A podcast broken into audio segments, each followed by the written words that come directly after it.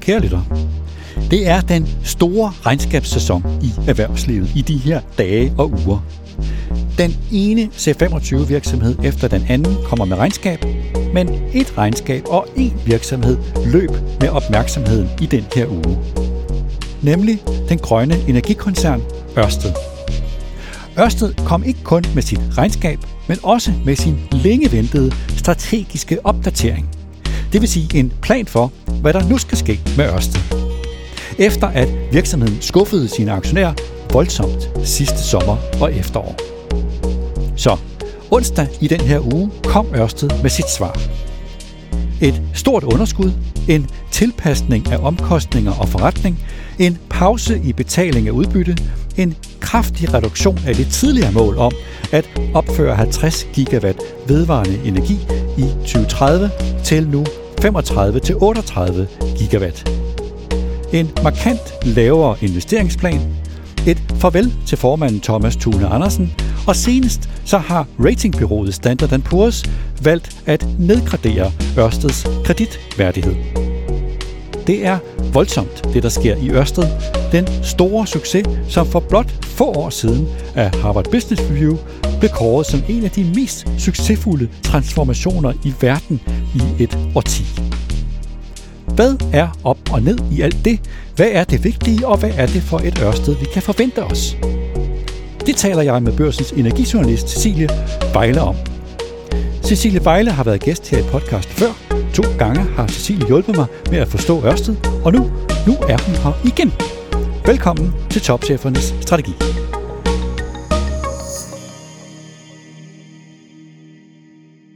Cecilie Vejle, velkommen. Tak. Cecilie, lad os prøve at starte et sted. Med det, der er kommet fra Ørsted i den her uge, hvordan vil du beskrive det, hvad skal vi kalde det, Ørsted 2.0-agtigt, der tegner sig nu? Det er et Ørsted, der træder på bremsen efter, at selskabet løb ind i nogle ret alvorlige problemer sidste år. Man kunne også kalde det et mere forsigtigt Ørsted. Lad os prøve at se på alt det, der er sket med Ørsted, nu hvor vi ved mere, end vi vidste sidste gang, vi sad her. Og for sådan samtalens skyld, så kan vi prøve at strukturere den i tre, i tre omgange, altså forhistorien, og så status her nu, og et kig ind, så godt vi kan, i fremtiden. Hvis vi starter med forhistorien, den korte version, hvad gik der egentlig galt i Ørsted? Den korte version er, at inflation, højere renter og også problemer og forsinkelser i forsyningskæden har gjort det både vanskeligere at opføre nogle af de havvindparker, som Ørsted har planlagt, og det har også gjort det markant dyrere, hvilket har fået økonomien til at skride i nogle af deres prestigeprojekter, særligt i USA. Kan man tale om, at det her var det, man kalder en perfekt storm? Altså på en eller anden måde, så var de bare uheldige, eller er der også nogle andre ting i det? Der er også andre ting i det. Selvfølgelig er Ørsted ligesom hele branchen ramt af den her perfekte storm, hvor mange ting ramler sammen på én gang. Men Ørsted har også haft nogle problemer med risikostyringen i USA. Det ligger selskabet heller ikke skjult på. Øh, nu, efter at øh, de her problemer har kostet dem ret store nedskrivninger i 2023. Et, et, af, et af de helt store problemer er, at Ørsted havde investeret ret store milliardbeløb i projekter i USA på et tidspunkt, hvor de ikke havde fået de endelige tilladelser, men også før selskabet overhovedet havde truffet den endelige investeringsbeslutning. Det vil altså sige, at de havde ikke forpligtet sig endeligt til at, at opføre parkerne, da de investerede de her store beløb i dem. Ja, fordi Mads Nepper og Ørsted holdt jo onsdag i denne her uge sådan en slags mini-kapitalmarkedsdag, hvor han også talte om, om de fejl, de havde lavet. Og det er jo lidt derhen af de ting, som du lige nævnte her. Altså, når du hørte Mads Nepper onsdag, hvad lagde du mest mærke til af de sådan mere konkrete indrømmelser, som, som han kom med? Han nævnte flere ting, øh, men der blev talt ekstremt meget om risikostyring, og de brugte også en stor del af præsentationen til analytikere og investorer på at forklare, hvordan de vil undgå at gentage de samme fejl og, og gentage de samme problemer i fremtiden. Noget af det, øh, han især lagde vægt på, var lige netop det her med, at de ikke i fremtiden vil investere så store beløb i projekter, før de har truffet den endelige investeringsbeslutning for dem. Det er det ene, og samtidig så lagde han også meget vægt på, at de nu i risikovurderingen også skal tage højde for, hvad der sker, hvis en række problemer rammer på samme tid. De talte meget om på den her minikapitalmarkedsdag, jeg var også selv derude, om problemerne i USA, og især om det største problembarn, i USA, det der hedder Ocean Wind 1.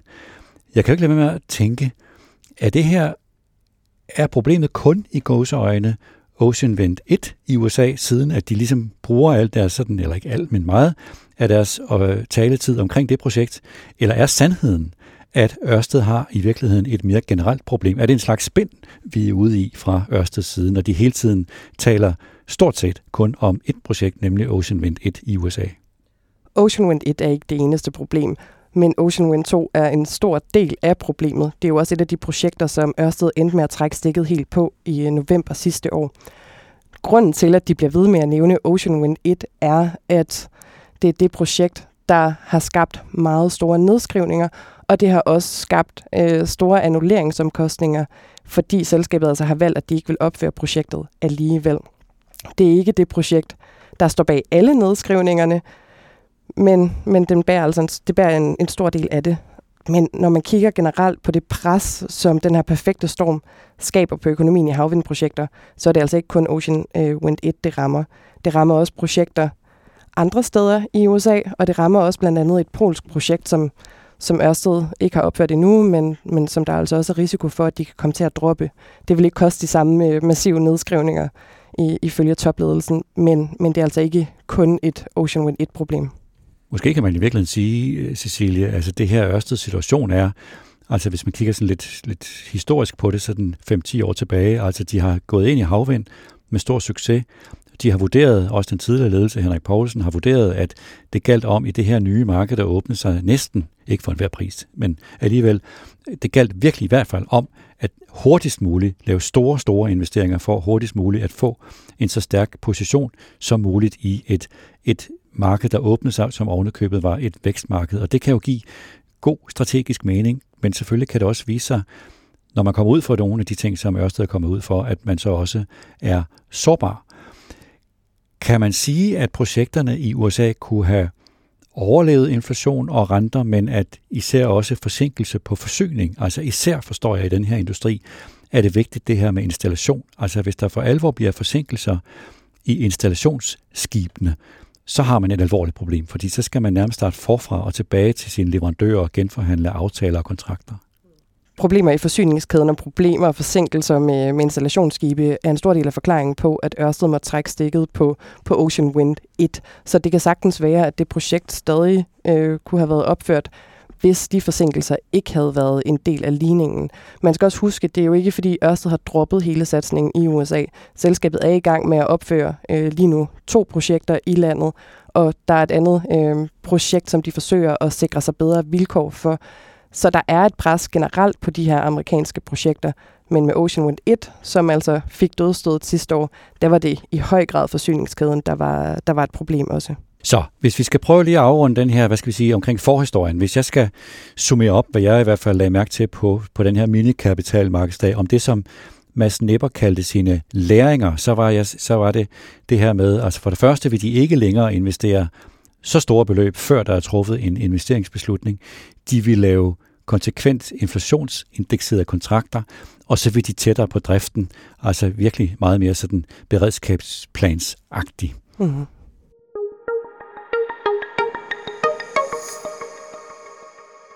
Så lad os prøve at kigge lidt fra forhistorien og så til status. Så de her læringer, som de har gjort sig, og som Mads Nepper han, han redegjorde for på, på Minekapitalmarkedsdagen, de her læringer vil de nu forsøge at sætte ind i deres såkaldte operating model.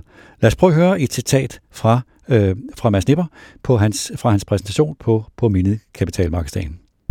We have done a significant additional focus on contingency planning, essentially scenario planning of what is it that can go wrong, especially if some of the material risks that we are identifying happen at the same time. You'll be unsurprised to hear that we have already had for a long, long time sort of a very diligent work with individual risk. As a matter of fact, our project has and has always had a risk register of over 100 risks identified, quantified, and what we need to do to mitigate them. But it is more in the event of saying, what if these happen concurrently, if some of the ones that have critical dependencies happen? We have upped our ability to work with that, and that also means we have upped our ability to, to more proactively secure, especially installation capacity well ahead of time so that we can mitigate the most notable impacts of this. That is an absolute key learning. Så Cecilie, det jeg hører Mads Nipper sige her, det er, at de vil være bedre til at ruste sig imod mulige problemer, at de allerede har et overblik over mulige risici, men de vil være bedre til at håndtere den situation, hvor forskellige problemer rammer dem på samme tid, og så især, at de skal have styr på deres installationskapacitet. Hvis nu, at jeg skal være super bagklog og super irriterende og journalistagtig, så vil jeg sige, at det her det lyder jo indlysende. Altså, har Ørsted og havvindindustrien for, været for udisciplineret? Altså, er det her noget, der ligesom kendetegner en ung industri, at man, at man ikke har haft styr på de her ting? Måske. øh, eller, ja, det, det, har det, det har det muligvis. Jeg tænker bare på, du ved, altså hvis du ser på sådan en klassisk dansk industriel produktionsvirksomhed, som Danfoss eller Grundfos, hvor Mads Nepper var før i øvrigt, altså, så, så er det jo nogen, der er trænet igennem årtier i at have styr på deres supply chain. Så for mig lyder det jo lidt som om, at det her måske er en ung industri, som ikke helt endnu har betalt de her lærepenge. Det er det helt sikkert, og noget af det, der er særligt omkring USA, som jo er der, hvor øh, problemerne er aller værst, og har været aller værst for, for Ørsted, det er, at det er et helt nyt marked for havvind. Ørsted sagde det også i, øh, i forbindelse med, med årsregnskabet, at de havde sat for, øh, ja, sat for, for høje forventninger til en, en umoden forsyningskæde på et helt nyt marked, som derfor først skulle opbygges. Så på den måde har det jo været ekstremt sårbart og også risikofyldt øh, for de første og den første række af projekter i USA. Så, så på den måde, så, så har de helt sikkert været, øh, været ekstra sårbare. Så er der jo det, der kom onsdag, og der kom også en reaktion på det fra investorer og fra aktieanalytikere. Hvis du skulle prøve sådan lige at, at, at summe op den korte version på, hvordan det, der kom, både regnskabet og planen, der kom fra Ørsted onsdag, blev modtaget af investorer og aktieanalytikere. Hvordan, hvordan, blev det, hvordan øh, var modtagelsen? Overordnet set virkede det, det egentlig til, at modtagelsen var, var relativt god. Det var ikke noget, man kunne spore øh, så meget i aktiekursen, der havde lidt svært ved at finde ud af, hvilket ben den skulle, øh, skulle stå på i løbet af dagen. Men, men hovedbudskabet fra flere investorer og analytikere var, at de mente, at det her det var den rigtige vej for Ørsted at gå. Altså at de sløjfer udbyttet, at de sænker investeringsplanen, sænker vækstplanen og også undgår en kapitaludvidelse, som der altså havde været frygt for i dele af markedet op til det her regnskab. Den der frygt for kapitaludvidelse, hvorfor er det, at investorer er så bange for, at der kommer en kapitaludvidelse? Jeg er med på, at det ligesom det udvander øh, deres øh, værdier. På den anden side kan en kapitaludvidelse jo trods alt give et afsæt til at være lidt mere offensiv. Jamen, det udvander, som du siger, jo aktionærernes øh, værdier, og aktien har altså også været, øh, været udsat for noget af en nedtur her øh, over, over de seneste måneder og de seneste år. Så på den måde vil man også skulle lave en kapitaludvidelse på, på et niveau, der er markant lavere end, end for bare nogle år siden. Samtidig så har der været en frygt hos, øh, hos flere investorer for, om Ørsted rent faktisk kunne øh, skabe fornuftige afkast øh, på, på fremtidige projekter i lyset af alle de her udfordringer, vi har set, ikke bare hos Ørsted, men også i andre dele af industrien her de seneste år. Så på den måde har der været en frygt for, at, øh, at Ørsted, hvis de nu valgte at vokse markant, at, øh, at værdiskabelsen af afkastet altså ikke vil kunne følge med. Så signalet er, og det er også det, jeg hører dig sige, at Ørsted sender et ret tydeligt signal nu, nemlig at nu prioriterer de altså værdiskabelse over vækst. Ja, det har de sagt i mange år, men det er blevet endnu mere tydeligt nu, at det er vigtigere at levere det afkast, som de fortsat øh, lover investorerne øh, på projekterne, frem for øh, hvor mange gigawatt øh, og hvor store de, de så skal være. Ja, for når jeg, når jeg synes, det her er interessant, så er det fordi, for mig, du ved, så synes jeg, at det her det er sådan lidt på den ene side det korte sigt, især de institutionelle investorer, som med alle mine fordomme jo især er optaget af sådan afkastet på, på ret kort sigt. Og så er der det lange sigt, som er det store projekt med Ørsted, det som de rækker ud efter, hvor det måske er lidt mindre vigtigt, hvad afkastet er på kort sigt. Det er en diskussion, man har set andre virksomheder også, hvor der både er, er, er institutionelle investorer inde, og så øh, majoritetsaktionærer, for eksempel i Carlsbergfondet, hvor man har haft mange diskussioner om de her, om, om en forskel mellem kort sigt og lang sigt. Men, men jeg må sige, som også lidt øh, du er inde på, altså jeg begynder også ligesom at lære selv, at, at det der med, at man på lang sigt har et purpose, man rækker ud efter, og så på mere kort sigt har en kommersiel kerneforretning, som skal være robust, at det nytter ikke noget, hvis ikke de to ting er i hak, og det er vel også det, gætter på, at han forsøger at sige, med Snipper, at, at nu har de selvfølgelig stadigvæk deres ambitioner, men på lang sigt, men også at på kort sigt, så er de simpelthen nødt til at have en, en, en forretning, der har troværdighed over for deres institutionelle investorer på kort sigt. Ja, og det er jo også en vigtig opgave nu for Mads Nipper og for Ørsted i det hele taget at få genoprettet øh, tilliden hos investorerne, for den led altså et alvorligt knæk i lyset af de her milliardstore nedskrivninger og de droppede projekter i USA, som øh, chokerede sidste år.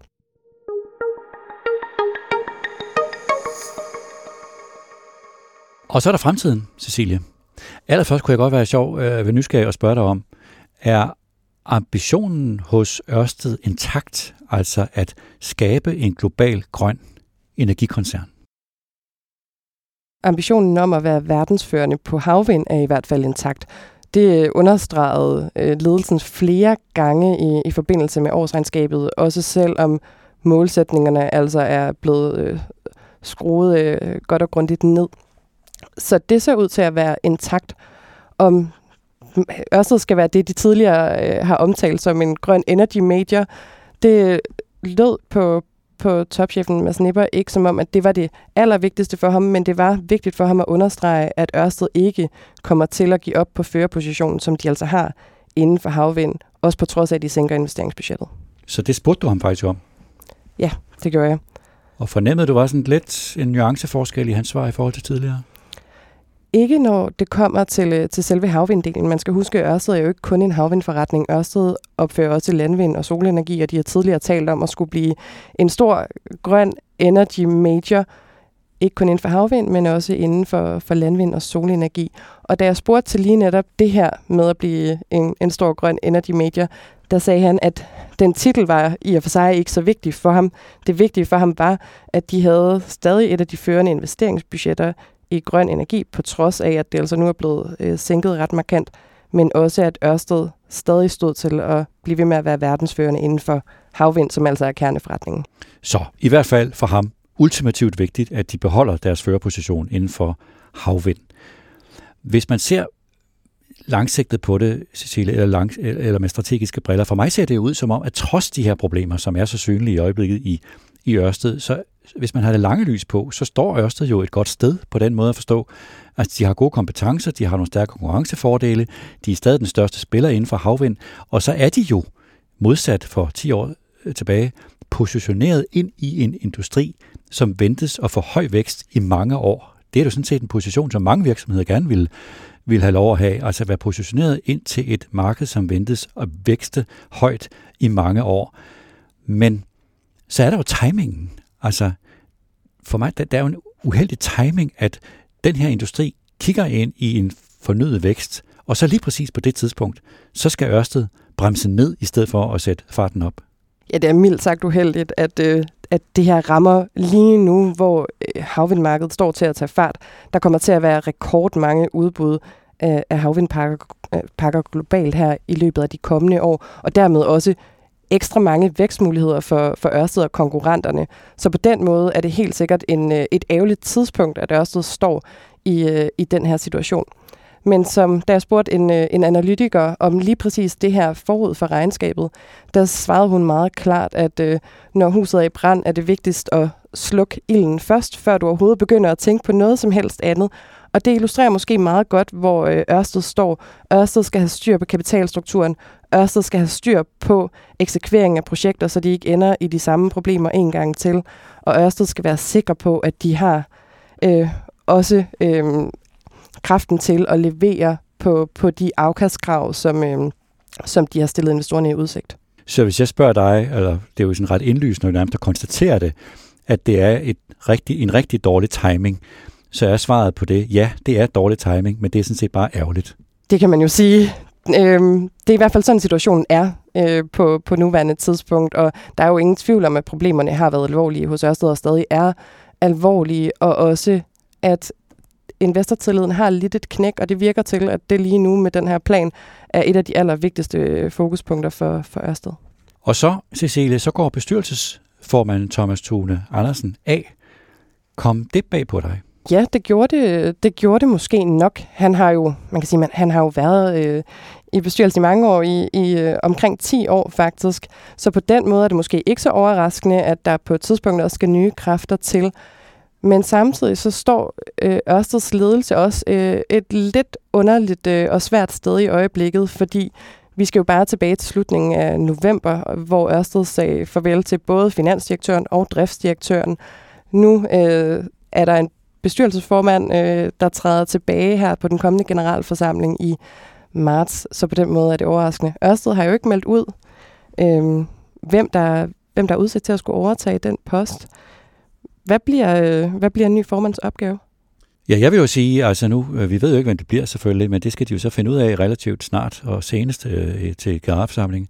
Altså for mig, så bliver det her jo i høj grad en opgave, den nye bestyrelsesformand MK skal løse, øh, og åbne en politisk samtale, altså med først og fremmest majoritetsaktionæren Finansministeriet, men sådan set også med det danske samfund. Altså, hvis man ser på det sådan lidt strategisk, altså Ørsted skal være med i kapløb, hvor det gælder om at vokse og formentlig også for at blive en grøn global energikæmpe. Altså hvis man vil holde fast i den ambition, så får man, tror jeg, brug for mere kapital. Og det vil sige, hvis vi nu kigger noget længere ud i fremtiden, så, så får man brug for kapital, og det betyder altså ret snart, øh, måske i løbet af nogle få år, så skal, så skal man øh, tage stilling til nogle ret svære øh, dilemmaer. Den ene, det er det her med, skal den danske stat komme med kapital? ud fra, at der både er en stor, stor mulig gevinst, men også en meget stor risiko, tør man risikere skatteydernes penge på det. Eller hvis man ikke vil det som den danske stat, så skal kapitalen komme et andet sted fra. Og hvor, hvor skal det være? Skal det være private investorer, Goldman Sachs-agtige steder, den slags ting? Og den anden, det andet, det andet dilemma, som de kommer til at stå overfor, som selvfølgelig er nært beslægtet med det første, det er, hvis det her størrelse, altså det her skalaspil gør, at man skal vokse, hvad er så egentlig vigtigst? Er det vigtigt at holde fast i et dansk kontrolleret ejerskab af Ørsted, eller er det vigtigt, at Ørsted bidrager til en global grøn klimaomstilling, og så er det mindre vigtigt, at det foregår i et dansk kontrolleret ejerskab. De to dilemmaer, tror jeg, bliver de vigtigste, som en, den kommende bestyrelsesformand MK skal tage stilling til, og derfor bliver det i høj grad en politisk opgave, som den nye bestyrelsesformand ser ind i. Men Cecilia, vi kom i mål. Altså, Ørsted, fantastisk interessant uge, fantastisk erhvervsnyhed i den her uge, den vigtigste, der er kommet, og vi blev klogere på forhistorien, status og fremtiden. Cecilie Vejle, tusind tak, fordi du ville være med. Selv tak.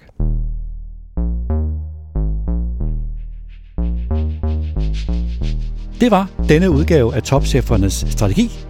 Et forsøg på at blive klogere på Ørsted. En helt aktuel case i dansk erhvervsliv, som rummer mange læringer på de udfordringer, som tiden stiller danske virksomheder. Om sårbarhed og om arbejdet med at gøre sig mere robust, men jo selvfølgelig helst at gøre sig mere robust uden at tabe sin konkurrencekraft. Om hvor svært det er at række ud efter et stort og overordnet samfundsansvarligt formål som hos Ørsted er, at de vil skabe en verden, der udelukkende kører på grøn energi, og så samtidig at have en kommersiel kerneforretning, som er lønsom og som har investorernes tillid. At få de to, altså formålet og forretningen, til at falde i hak og til at understøtte hinanden. Og så også, flere og flere virksomheder oplever, at de befinder sig i et krydsfelt mellem forretning og politik. At det ikke længere er nok bare at passe sine forretning og sine kunder, men at man også skal tænke politisk. Hvad enten det nu er geopolitik, eller diversitet, eller noget andet.